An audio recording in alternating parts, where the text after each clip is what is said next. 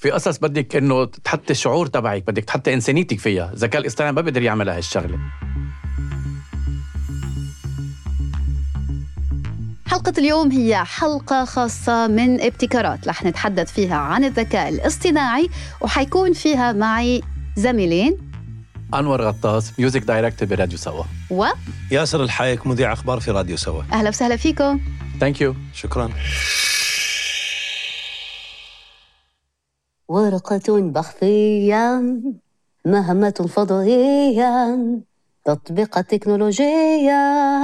هذا هو ابتكارات. رحلة مكوكية اختراعات تقنية وبحوث طبية. أهلا في ابتكارات.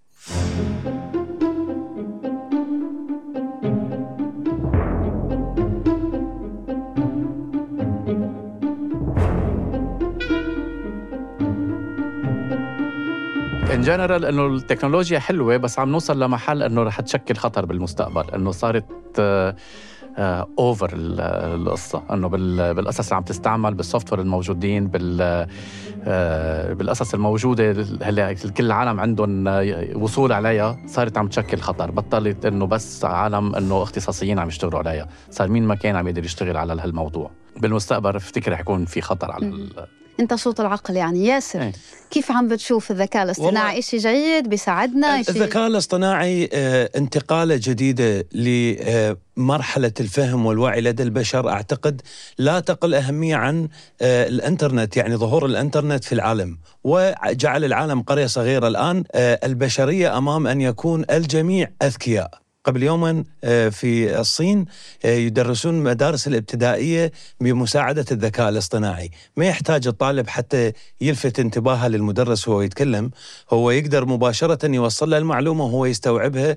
فهل هو يستوعبها فعلا وإلا هو عم ياخذ المعلومة هيك جاهزة؟ أنا أعتقد هو الاستيعاب شلون يصير هو من المعلومة تدخل إلى- إلى الدماغ. بالتالي إذا كانت عن طريق القراءة أو كانت إذا يعني عن طريق الذكاء الاصطناعي ببرمجة فهي بالتالي تدخل الدماغ على الأقل توصل المعلومة بشكل واضح يعني. يعني اللي بيقوله لنا ياسر الآن إنه ما فيش ولا حد في عصرنا الحالي عنده عذر إنه يكون غبي. صعب. أ- أ- كيف تتعامل مع يعني هي هنا الصعوبة. كيف أعتقد ال- الذكاء الاصطناعي راح يخلق عالمين؟ العوالم اللي ما تلحق بركب هذا الذكاء الاصطناعي الجديد فهي راح تظل متأخرة وبالتالي أكو سرعة باستخدام المعلومة والتطلع على المعلومة وكذلك حتى الوصول إلى المصادر بسهولة كبيرة يعني أحسن ما أقرأ مثلا أنا كتاب في تفصيلات كبيرة حتى أوصل للفهم من الممكن الذكاء الاصطناعي يعطيني أبرز ما تناول الكتاب الفلاني مثلا بأفكاره وبأسئلته. شايفه؟ أكيد أنه يسهل المأمورية يعني. وأنا يمكن هواي سمعت مثل ما قال أنور الذكاء الاصطناعي هو يهدد البشرية ومن الممكن أن يأخ- يأخذ الوظائف. طبعا بالتأكيد من الممكن أن يأخذ الوظائف مستقبلا ويهدد البشرية ولكن هناك يعني وظائف جديدة ستكون متاحة إضافة إلى هذا. أعتقد آه، الإنسان يتجه يعني البشرية تتجه إلى عصر آه، تشغيل الماكينة والذكاء الاصطناعي والراحة إلى البشر. بس ياسر ما بتعتقد إنه الإنسان يتكل على الذكاء الاصطناعي بكل شيء؟ رح تحد من قدراته ال- ال- العقلية إنه إذا إذا كل شيء بدك تتكل عليه على الذكاء الاصطناعي أنت شو عم تعمل؟ بالنهاية مثلا خلينا نأخذ مثال على الموضوع. مثلا شلون؟ يعني كيف أنا كل الشغل أركنه على الذكاء الاصطناعي؟ أنا اللي مثلا فرضا في مجال عمل الإعلام لو أنا ردت أعد برنامج أعطي لل أو أجيب برنامج جديد يعني. أعطي للذكاء الاصطناعي أقترح لي مواضيع اجتماعية آه، تهم ال- الناس وتب حلو. يعطيني مجموعة آه، مثلا مجموعة مقترحات، مقترحات مواضيع بالضبط. وبالتالي أنا اللي أسوي أضيف الفكرة اللي عندي لما ما كان الذكاء الاصطناعي يريد يبتكر لي آه، مواضيع فبالتالي أنا تكون الإضافة مالتي هي اللي راح تكمل الموضوع. يمكن هون نقطة أنور لما يحكي مثلا إن نستعين بالذكاء الاصطناعي إنه يجيب لنا أفكار على المواضيع هذا إشي مستحب وبيسهل المأمورية وبيربحنا الوقت. لكن لو صارت إنك مثلا تطلب منه إنه يكتب لك سكريبت البرنامج كامل وهذا هو اللي حيكون المصيبة. ليش؟ لأنه رح يخرج كل شيء شبه لبعض. في حين إنه نحن ناس كل شخص متفرد عن غيره. في أسلوبه صحيح. هو اللي بيفرق يعني. يعني صح. وفي قصص بدك إنه تحطي الشعور تبعك بدك تحطي إنسانيتك فيها. الذكاء الاصطناعي ما بيقدر يعمل هالشغله إنه خصوصا بمجالنا نحن إذا عم تكتبي آه، قصة عم تكتبي خبر إنه بدك تحطي ال touch تبعك أنت. إنه رح يكون هديك very strict الذكاء الاصطناعي. صح, صح. هذه هي. إنه ماني ضد الذكاء الاصطناعي إنه بس ما نتكل عليه 100% بيساعدنا بشغلنا بس ما يكون هو البديل عنا. هي مو الخيار بيدينا أعتقد، الخيار هو بيد المستقبل كيف راح يطرح هذه التكنولوجيا للبشر وراح يكون يعني مثلا تقدر تشتغل بدون إنترنت؟ ما راح نقدر نشتغل بدون إنترنت. في كل مجالات الحياة، صح. من الممكن الذكاء الاصطناعي يوصلنا إلى مرحلة أنا ما أقدر بعد أشتغل بدون وجود الذكاء الاصطناعي لأنه إحنا بدنا نتكلم عن ثورة بدأت الآن، ماذا بعد خمس سنوات، بعد عشر سنوات، فبالتأكيد الموضوع راح ياخذ مجالات أوسع وبالتالي يضيف إلى حتى يعني أنا على المستوى مثلا الشخصي مشاكل وحلول هو يطرح لك إياها بشكل مفصل ويعطيك معها نماذج ومصادر، تعرف شلون؟ فأعتقد آه، يعني المستقبل حافل بالمفاجآت أكيد بس نعم. أتصور في حدود إنه دائما نضل إحنا نتحكم في الذكاء الاصطناعي هذا مش هو اللي يتحكم فينا يعني إن نوظفه كوسيلة إنه يسهل الحياة اليومية يسهل لنا شغلنا يسهل لنا الأشياء لكن مو ل- لدرجة إنه بالعكس إنه بنصير نحن اللي عم نتحرك. بنستعمله كمساعد مش كبديل. بيعطينا بيساعدنا مثلا بدك تطلبي شغلة بتعطيك فكرة بيساعدك فيها عندك project معين يمكن بيعطيك تتقلعي بالموضوع. بس بترجع أنت بتكملي ما يكون 100% هو عم يشتغل عنك. حلو.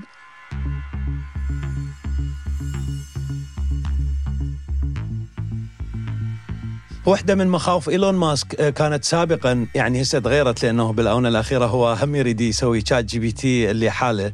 آه، بس آه، واحدة من مخاوف إيلون ماسك هو سيطرة الذكاء الاصطناعي على البشر وبالتالي يعني كانت فكرة اختراع Neuralink هاي ال- ال- الشريحة اللي في في الدماغ اللي تزرع في الدماغ هي لإضافة معلومات إلى الإنسان ويستطيع أن يتفاعل مع ال- التكنولوجيا الحديث بدون الاعتماد على الذكاء الاصطناعي. هو بل سوبر يعني powers بالضبط الإنسان هو من يكون الذكاء الاصطناعي. والإنسان بنفس الوقت. wow. يعني أفلام مارفل صار صارت حقيقة وواقع لحد الآن. بالضبط. طب نحن ليش في عنا اليوم أنور وياسر؟ يا جماعة الخير نحن اليوم رح نحكي تحديدا عن المجال الفني والإبداعي. مشان هيك في معنا أنور اللي هو مهندس الصوت عنا بالحرة وراديو سوا وفي عنا ياسر اللي هو إلى جانب إنه مذيع أخبار بس ياسر كمان بينتج أغاني وبيعمل راب.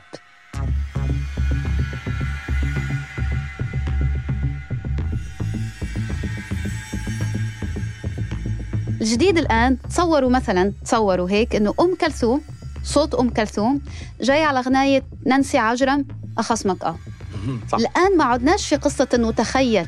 مثل ما شفنا آخر شيء إنه في غناية آه، Drake و The Weeknd Heart on My Sleeve اللي خرجت. الناس كلياتها كانت تتصور إنه فعليا الغناية هذه إلهم هم الاثنين. الصوت كان perfect صح. هم الاثنين. بعدين بنكتشف إنه لا إنه غناية بالذكاء الاصطناعي. غناية آه، David Guetta اللي حاطط فيها صوت امينيم اللي ما كانش صوت امينيم كان كمان مرة المنتج بالذكاء الاصطناعي. يعني هون صرنا عم نتحدث في الإنتاج الفني. مين المنتج؟ وين الحقوق الأخلاقية؟ وين الحقوق الفنية؟ كيف بتشوفوا هالموضوع؟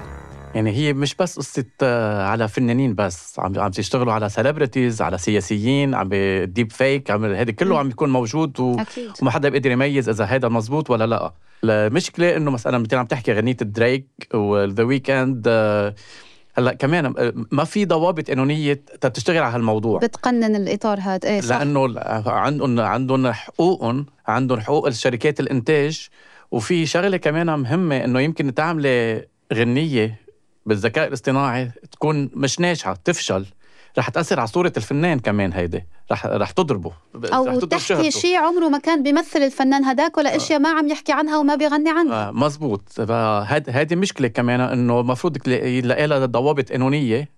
وكيف بده يتعاملوا معها إنه الشركات الإنتاج وال- والمغنيين والفنانين والسياسيين سيلبرتيز كلهم كيف بدهم يتعاملوا مع هالموضوع؟ إنه رح يمكن تعمل لهم خسائر مادية كمان. كيف كيف بدهم يطلعوا حقوق النشر تبعهم حقوق الإنتاج تبعهم؟ هذه كلها كمان لازم ي- ي- واحد يتف- يفكر فيها. أنا طبعا أتفق مع أنور بالموضوع. أعتقد يعني القضية لأنه جديدة فبالتالي يعني سيتم إصدار تشريعات قانونية تحفظ حقوق الملكية والأفكار للمطربين والفنانين بشكل عام. حتى أحد ال- الفنانين الرسامين أخذ يعني نعطوا جائزة للصورة. شفتوا يمكن انتشرت صورة فوتوغرافية صورة فوتوغرافية وهو اعترف قال لا مش أنا اللي الذ- عملتها مش أنا اللي عملها من الذكاء الاصطناعي. مزبوط مش بس بس بالصوت والموسيقى حتى عم عم ينتشر صور من الذكاء الاصطناعي ما حدا عم يعرفها إنه. وفيديوهات مثل هذاك الفيديو اللي بين بين ترامب وبايدن على أساس إنهم هم الاثنين عم يحكوا مع بعض يعني. مزبوط إنه في كتير videos إنه بتشوفيهم إنه ما فيك عم يحكوا عم يحكون للعالم لل celebrities اللي بدهم إياه هن وأنت عم تاخذي فكرة عاطلة يمكن عن هالأشخاص إنه هذه كمان طب هون وين وين بيكون ال- الفرق؟ وين الخط اللي بيخلينا نقول هاد صح وهاد غلط؟ هاد إبداع وهاد مش إبداع. يعني لما نصير إنه وصلنا مثلا الفترة إنه في غنايه كاملة أغنية كاملة يقدر ينتجها الذكاء الاصطناعي. من الكلمات للألحان للصوت المتركب تختار أنت مين الصوت اللي حابب تحطه بريتني سبيرز ولا أم كلثوم ولا whoever وين وين الخط؟ يعني خليني أجاوب على هذا يعني أعتقد آه، إحنا أمام قوانين جديدة تحكم وأنظمة جديدة تحكم العالم. آه، قد حتى لا يعني لا تكون بضمن مثل مث- مثل ما قال أنور أكو قانون وراح يكون هذا حقوق. قد ترفع صفة الحقوق من هذا الموضوع مثل ما كان قبل أحد إذا يسوي حركة ويشتهر بها ما يجي حدا ثاني يعمل الحركة هاي نفسها لانها هي حق فلان بالفكرة. الآن أصبح تقليد الأشياء هي ترند الترند الفلاني ظهر فالكل تقلد نفس الشيء. صح. صح. تغير مفهوم الخصوصية ل- للناس يعني. أصبحت الأفكار والإبداع والرسم والموسيقى هي تحولت من الفردانية ومن ال- ال- العمومية أو من الخصوصية إلى العمومية. إلى العمومية. وأصبح كل شيء متاح متاح مباح للجميع. إيه. وحتى في قصص عم تصير على على الصعيد الشخصي مع عالم على الصعيد الشخصي كمان عم- عم تعمل مشاكل فيها إنه آه، شو بيقولوا ال- chantage آه مساومة. آه، عم يكون في مساومة. black ك- mail. بلا- بلا- blackmailing على قصص إنه عم ينتشر صور إنه من جميع ال- الأنواع. اي وهذه في عالمنا العربي عملت كثير مشاكل كمان في طبعاً، العراق إنه. بياخذوا صور بنات وبيركبوا عليها بيهددوها. صور نعم، عري كمان هيدي إنه عم كمان عم عم تضرب كمان عم, عم تأثر على الحياة الشخصية هيدي كمان. صح.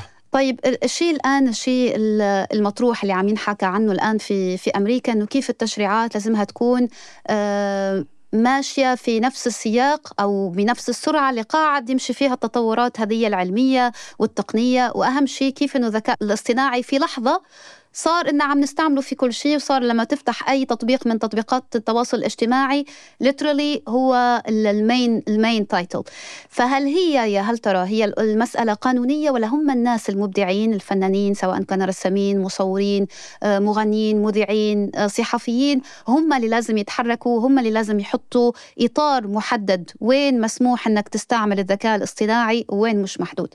مو قلت لك فهم الموضوع بهذا الشكل إنه مثل ما هسه أنت يعني أعتقد أني للمستقبل هو قد أكون مخطئ ويا ريت لو أكون مخطئ. أعتقد الذكاء الاصطناعي إنه آه راح يصير حالة حال الإنترنت ما تقدرين هسه تيجي أقول لك آه، مثلا آه، نعيمة عدي لي حلقة بس بدون ما ترجعين على أي معلومات من الإنترنت.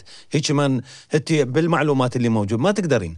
بالتالي راح يكون المستوى المنافسة عالي فرضا للي يستخدم حتى لو مثلا في الولايات المتحدة فرضا لو آه، وضعوا قوانين حتى تقنن استخدام الذكاء الاص- الاصطناعي. في الدول الأخرى التي لم تقنن مثلا الصين على سبيل المثال لو تستخدم الذكاء الصناعي فبالتأكيد راح يكون لها الأولوية والقوه في الصعود تكنولوجيا. الأسبقية صح. آه، والأسبقية. وبالتالي يعني أعتقد وضع هذا المو يعني هذا ال- ال- الخيارات بقانون آه، مثل ما تذكرين انه يقنن عمل انه أين تستخدم وأين لا تستخدم فأعتقد هذا شيء صعب. آه، صعب تحطي القوانين وخصوصا إنه آه، أنا بشوف التك... إنه قلنا إيه ولا قلنا لا التكنولوجيا عم تتقدم بشكل كتير سريع.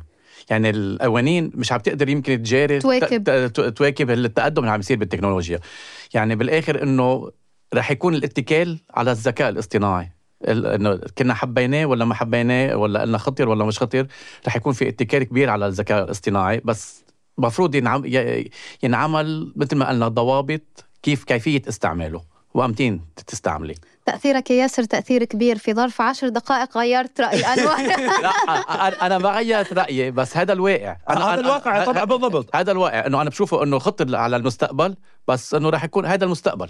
ما فينا ننكره. يعني من الممكن أن يأخذ الوظائف بشكل كامل من الجميع وبالتالي إذا أخذت يعني مثلا كانت وظائف غير مهددة مثلا آه، ناس تشتغل بال IT بال engineering في أي مجال إبداعي في أي مجال تكنولوجي محامين أطباء مذيعين آه، مقدمين. حتى حتى مذيعين مقدمين برامج على التلفزيون أقول لك شغلنا شغلنا حتى المونت- شفت هذا المونتاج الجديد اللي دخلوا له ال AI هو منتج لك بالكامل ما تحتاجين حتى تتدخلين فبالتالي أعتقد هذا راح ياخذ وظائف كبيرة ولكن ما هو البديل لحد الآن؟ لا نعرف. قد يكون الإنسان يعني في واحدة من الأفلام يعني طرحتها إنه يظل الإنسان قاعد في أماكن يتفرج TV وياكل بس 24 ساعة وما يعمل أي شيء لأن التكنولوجيا هي اللي عاملة كل شيء ها؟ مزبوط يعني امبارح عم بقرا كنت ال IBM بدهم يبلشوا يشيلوا موظفين اللي بيقدروا يستغنوا عنهم بيقدروا يستغنوا عنهم بالذكاء الاصطناعي يعني في عالم عم. تخسر وظائفها من وراء الذكاء الاصطناعي حاليا بس بلشت. بتصور إنه في كمان عالم في كثير ناس اللي هي رح تستفاد من الذكاء الاصطناعي إنه هذا رح يفتح كمان possibilities إنه يكون في عنا موارد شغل أخرى لما أنت يكون طبعاً. في عندك الاي اي عم بيساعدك بيعطيك أفكار مواضيع مثلا لتسي إنه تحب تعمل مشروع استثماري وهو بيكون معك يعني بيعمل لك آه، آه، دراسة وبيعطيك اقتراحات شو فيك تعمل فيه هو كمان يساعدك فيديو مونتاج مثل ما كان طبعاً. ياسر عم يحكي. ففي هيك وفي هيك. يعني أنا السؤال عندي إنه قديش ك... قديش عدد العالم اللي رح يستفيدوا ايجابيا من الذكاء الاصطناعي؟ وقديش العدد العالم اللي رح, رح يكون سل... تكون سلبي عليهم؟ هذا السؤال. نرجع لنسبة النضج هون بتصور. قديش إحنا ناضجين وقديش إحنا آه، بن- حابين إن نحن اللي نتحكم بالذكاء الاصطناعي مش هو. يتحكم فينا. أتفق. متفقين. يسعد بالتأكيد.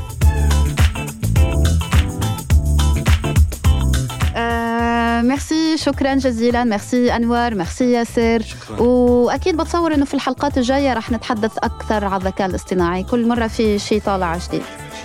إن شاء الله خير. الحلقات إيش راح تكون unlimited